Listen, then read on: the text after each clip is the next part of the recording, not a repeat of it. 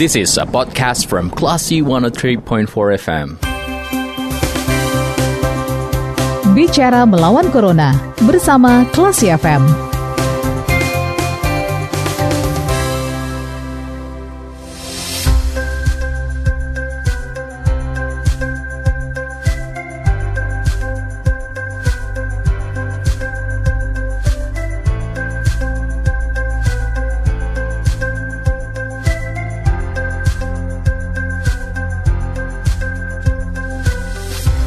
103,4 kelas FM Classy People di Bicara Melawan Corona bersama saya Lia. Untuk hari ini kita akan cari tahu bagaimana sistem untuk pasien yang tercover COVID bisa menyalurkan hak pilihnya di tanggal 9 Desember 2020. Dan saya akan ngobrol mengenai hal ini dengan Ketua KPU Kota Padang ada Bang Riki Eka Putra. Selamat sore Bang Riki. Selamat sore Bu Lia. Gimana kabarnya Bang? Sehat, alhamdulillah. Sedang di lapangan. Ya, saya uh, melakukan monitoring, monitoring penertiban alat peraga kampanye, monitoring pendirian TPS, monitoring distribusi logistik TPS. Oke, terima kasih nih Bang Riki masih menyediakan ya. waktu untuk ngobrol bersama kita di kelas FM. Iya, mohon maaf saya tadi sempat lupa, sudah janji. Tidak masalah. Jadi perkembangan ya. H-1 menjelang pilkada gimana Bang? Uh, Alhamdulillah uh, sore ini Insya Allah 1943 TPS itu akan menerima seluruh logistik kelengkapan uh, eh, TPS yang besok akan digunakan untuk pemungutan dan hitungan suara. Secara umum ada dua jenis logistik, Bu Yang pertama itu adalah logistik uh, untuk pelaksanaan protokol uh, kesehatan di lokasi TPS. Yang kedua, logistik uh, pemungutan dan penghitungan suara. Semuanya insya Allah uh, sudah bisa diterima oleh uh, 1943 TPS mulai dari sore ini. Oke, okay. surat suara ya. gimana bang posisinya? Uh, surat suara ada di dalamnya. Itu termasuk salah satu logistik untuk pemungutan dan penghitungan suara uh, berada di dalam kotak suara dalam keadaan tersegel dengan jumlah yang cukup sebanyak DPT ditambah dua setengah persen dari DPT masing-masing PS.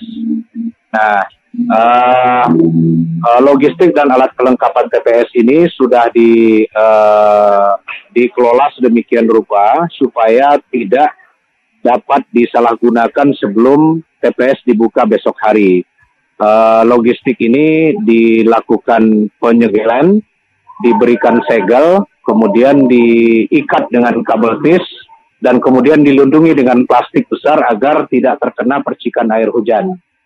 Jadi insya Allah Bu Lia, tepat pada pukul 7 besok, seluruh TPS yang ada di Kota Padang itu siap menerima kedatangan pemilih sesuai jadwal yang sudah ditentukan. Oke, baik. Jadi sore ini nah, diperkirakan semua sudah clear ya?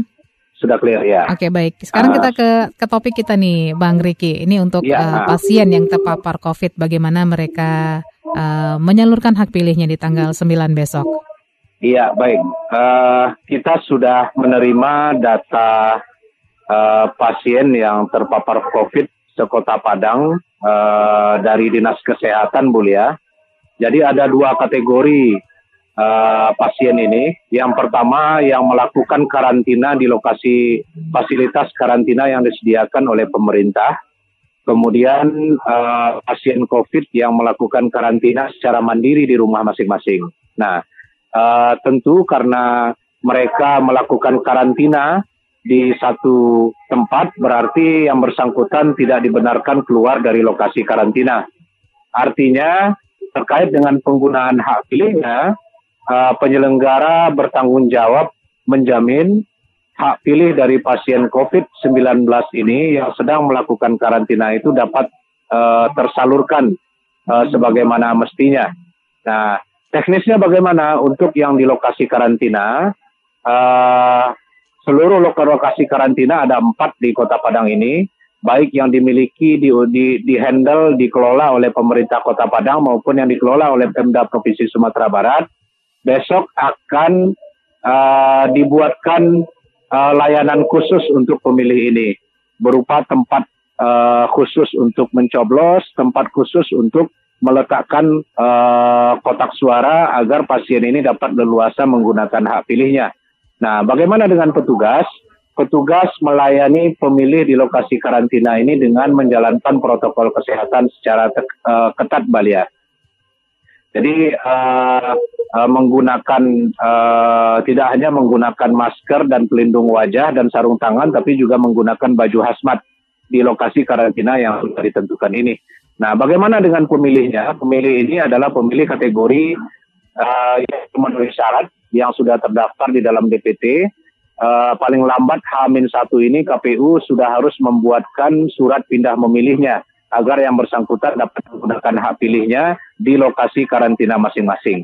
Nah, itu yang pertama. Kemudian yang kedua, bagaimana dengan uh, pemilih yang berstatus pasien COVID tapi melakukan karantina mandiri, ya, eh karantina mandiri di rumahnya masing-masing. Uh, prinsip-prinsipnya pelayanannya sama, Bu Lia. Yang membedakan itu adalah uh, tidak mungkin kita meletakkan uh, mendatangi yang bersangkutan itu dengan uh, apa namanya uh, dengan jumlah surat suara yang banyak karena jumlahnya itu tentu lebih sedikit daripada yang menjalankan uh, karantina mandiri di satu tempat eh karantina uh, uh, kolek di fasilitas yang disediakan oleh pemerintah. Jadi yang karantina mandiri di rumah ini juga akan dikunjungi oleh uh, petugas. Petugasnya membawa surat suara sesuai kebutuhan Uh, kemudian uh, yang bersangkutan akan dilayani oleh petugas yang menggunakan protokol kesehatan secara ketat uh, dan status uh, yang uh, yang bersangkutan sebagai pemilih ini menggunakan hak pilihnya di TPS-nya masing-masing. Itu yang membedakan, Bu ya. Oke, ini uh, untuk yang di tempat karantina tadi dibuatkan tempat khusus, maksudnya ada bilik suara di sana atau bagaimana, Bang Riki? Iya, jadi nanti uh, eh, TPS terdekat dari lokasi karantina itu akan membawa kotak suara, akan membawa bilik suara ke dalam lokasi karantina, uh, juga membawa sejumlah surat suara yang jumlahnya sama dengan uh, pemilih yang memenuhi syarat di lokasi karantina tersebut. Kemudian di lokasi karantina akan dibuatkan tempat khusus uh, sebuah ruangan uh, yang tentu itu harus uh, ada pembatasnya antara penyelenggara dengan uh, uh, orang yang memiliki hak pilih dan menggunakan hak pilihnya di lokasi karantina ini. Ini sudah Jadi, dibuat? Uh, itu uh, bisa nanti malam sedang dalam proses Bu Lia. Hari ini okay. seluruh KPPS fokus dulu membuat uh, log, uh, log apa uh, TPS utama di masing-masing RT RW yang sudah ditentukan. Jadi setelah TPS utama selesai, bagi TPS yang bertugas men, uh, melayani pemilih dengan karakter khusus seperti pasien COVID ini, nanti akan berkoordinasi dengan pengelola dari uh, lembaga karantina ini. Oke, jadi jam berapa nih pasien COVID bisa menyalurkan hak pilihnya, Bang Riki? Pasien COVID sesuai dengan ketentuan itu akan dilayani satu jam terakhir mulai dari pukul 12 uh, mulai dari pukul 12 dilayani sampai surat suara yang tersedia habis dan sampai pemilih yang memenuhi syarat itu habis. Nah, itu dia Bu Lia. Oke, baik. Nah, tadi kan katanya nah. juga dibuatkan uh, surat pindah memilih nih ya di Hamin ya, satu ini. Jadi kapan didistribusikan ya. ke pasiennya, Bang? Uh, didistribusikan paling lambat uh, saat yang bersangkutan akan menggunakan hak pilihnya, Bu uh, Lia. Prinsipnya dari sekarang itu sudah bisa Uh, paling lambat itu jam 12 besok pada saat petugas datang ke lokasi karantina itu akan diserahkan. Berarti kalau untuk pasien yang berada di lokasi karantina yang disediakan pemerintah, mereka sifatnya hanya menunggu pasien datang begitu? Iya betul. Jadi tidak perlu repot, tidak perlu datang keluar, tidak perlu keluar lokasi karantina, tidak perlu khawatir akan memaparkan uh, uh, COVID-19 kepada orang lain uh, mereka akan dilayani dengan baik uh, semaksimal mungkin oleh penyelenggara TPS nanti. Begitu juga halnya dengan yang karantina di rumah ya, Bang Begitu juga dengan uh, karantina di rumah. Oke. Okay. Ada ya. datanya berapa orang peserta pemilih uh, yang COVID, Bang? Ini sudah dapat datanya. Hari ini sedang dilakukan pengecekan oleh kawan-kawan di kantor. Berapa jumlah, apakah seluruh data ini masuk kategori yang uh, terdaftar di dalam DPT atau tidak. Nah, jadi berapa data mungkin akan akan kita rilis besok, Bu Lia, mm-hmm. karena datanya ini masih bergerak. Okay. Uh, yang penting uh, seluruh petugas TPS yang yang melayani pemilih dengan karakter khusus ini uh, akan bertugas dengan baik selama pemungutan dan penghitungan suara besok. Oke, baik.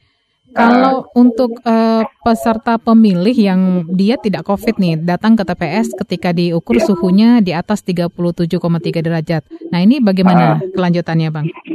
Iya, ini uh, ada juga ini terkait dengan protokol kesehatan di seluruh TPS, uh, Bulia ya. Mm -hmm.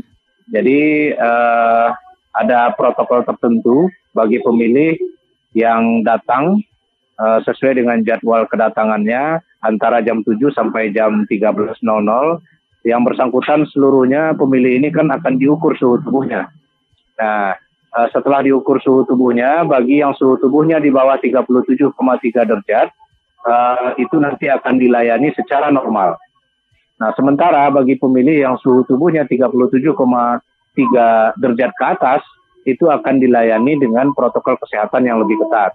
Nah, mereka tidak diperbolehkan mencoblos, melakukan pencoblosan surat suara di bilik yang digunakan oleh pemilih yang uh, suhu tubuhnya normal, tapi menggunakan uh, hak pilihnya di bilik khusus yang sudah disiapkan oleh uh, petugas TPS. Nah, uh, kemudian penyelenggara yang uh, uh, mendapatkan uh, pemilih yang bersuhu tubuh 37,3 derajat ke atas ini itu diminta untuk menggunakan baju hazmat uh, dalam melakukan dan memberikan pelayanan kepada pemilih yang bersangkutan. Itu Bu Lia. Oke, okay, uh, eh, jadi uh, artinya si petugas belum memakai baju hazmat pada saat uh, yang bersangkutan datang, baru kemudian belum. akan akan memakai ketika ya. berjumpa kasus Ada, seperti ini ya. ya. Nah, jadi kalau di TPS itu ternyata suhu tubuhnya semua di bawah 37,3, artinya baju hazmat itu tidak akan terpakai Bu ya. Oke, okay. berapa baju hazmat yang di standby kan Bang? Uh, seluruh TPS itu kita siapkan satu uh, hari ini sedang kita data apakah uh, seluruh TPS itu sudah mendapatkan baju hazmatnya uh, atau belum. Itu dia Bu ya. Apakah juga uh, akan ada petugas medis yang standby? Uh, petugas medis itu tidak diwajibkan untuk standby di TPS, Bu ya. Mm -hmm. Tapi kita sudah koordinasi dengan Dinas Kesehatan Kota Padang, minimal di setiap kelurahan atau kecamatan itu disiapkan petugas medis uh, untuk mengantisipasi hal-hal yang tidak diinginkan selama proses pemungutan suara uh, berlangsung besok uh, tanggal 9 Desember 2020. Oke, untuk si ah. pemilih yang tadi suhunya ternyata di atas 37,3 derajat, setelah dia memilih apakah dilaporkan ke puskesmas atau dibiarkan pulang begitu saja? Uh, di uh, protap pemungutan suara ini uh, tindak lanjutnya itu KPU beserta jajaran itu menyampaikan uh, datanya ke dinas kesehatan Bulia, uh, tapi data ya mm-hmm. uh, terkait uh, yang bersangkutan apakah harus diantar ke ke fasilitas kesehatan itu kita minta inisiatifnya. Nah hanya saja datanya itu perlu nanti kita serahkan kepada dinas kesehatan untuk dilakukan tindak lanjut terhadap yang bersangkutan. Apakah uh, yang bersangkutan uh, hanya suhu tubuhnya yang saja yang tinggi atau memang hmm. dalam keadaan sakit sehingga harus diperiksa lebih lanjut. Berarti ada kemungkinan dia juga tidak akan periksa kesehatan ya, Bang Riki ya? Uh, ya nanti itu KPU untuk tindak lanjutnya itu belum belum kita bahas uh, secara detail Bu Lia uh, terkait dengan hal ini. Yang penting KPU sekarang kebutuhannya adalah kita membutuhkan data berapa orang masuk ya. uh, kategori seperti ini. Nah, yang penting datanya dulu.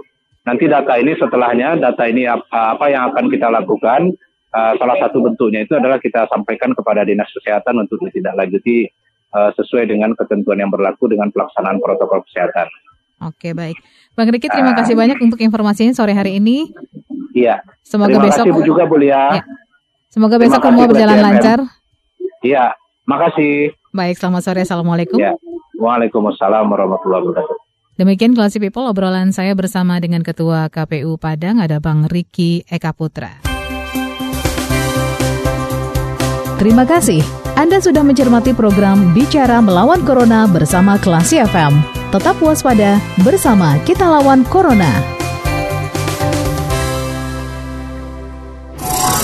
This is a podcast from Classy 103.4 FM.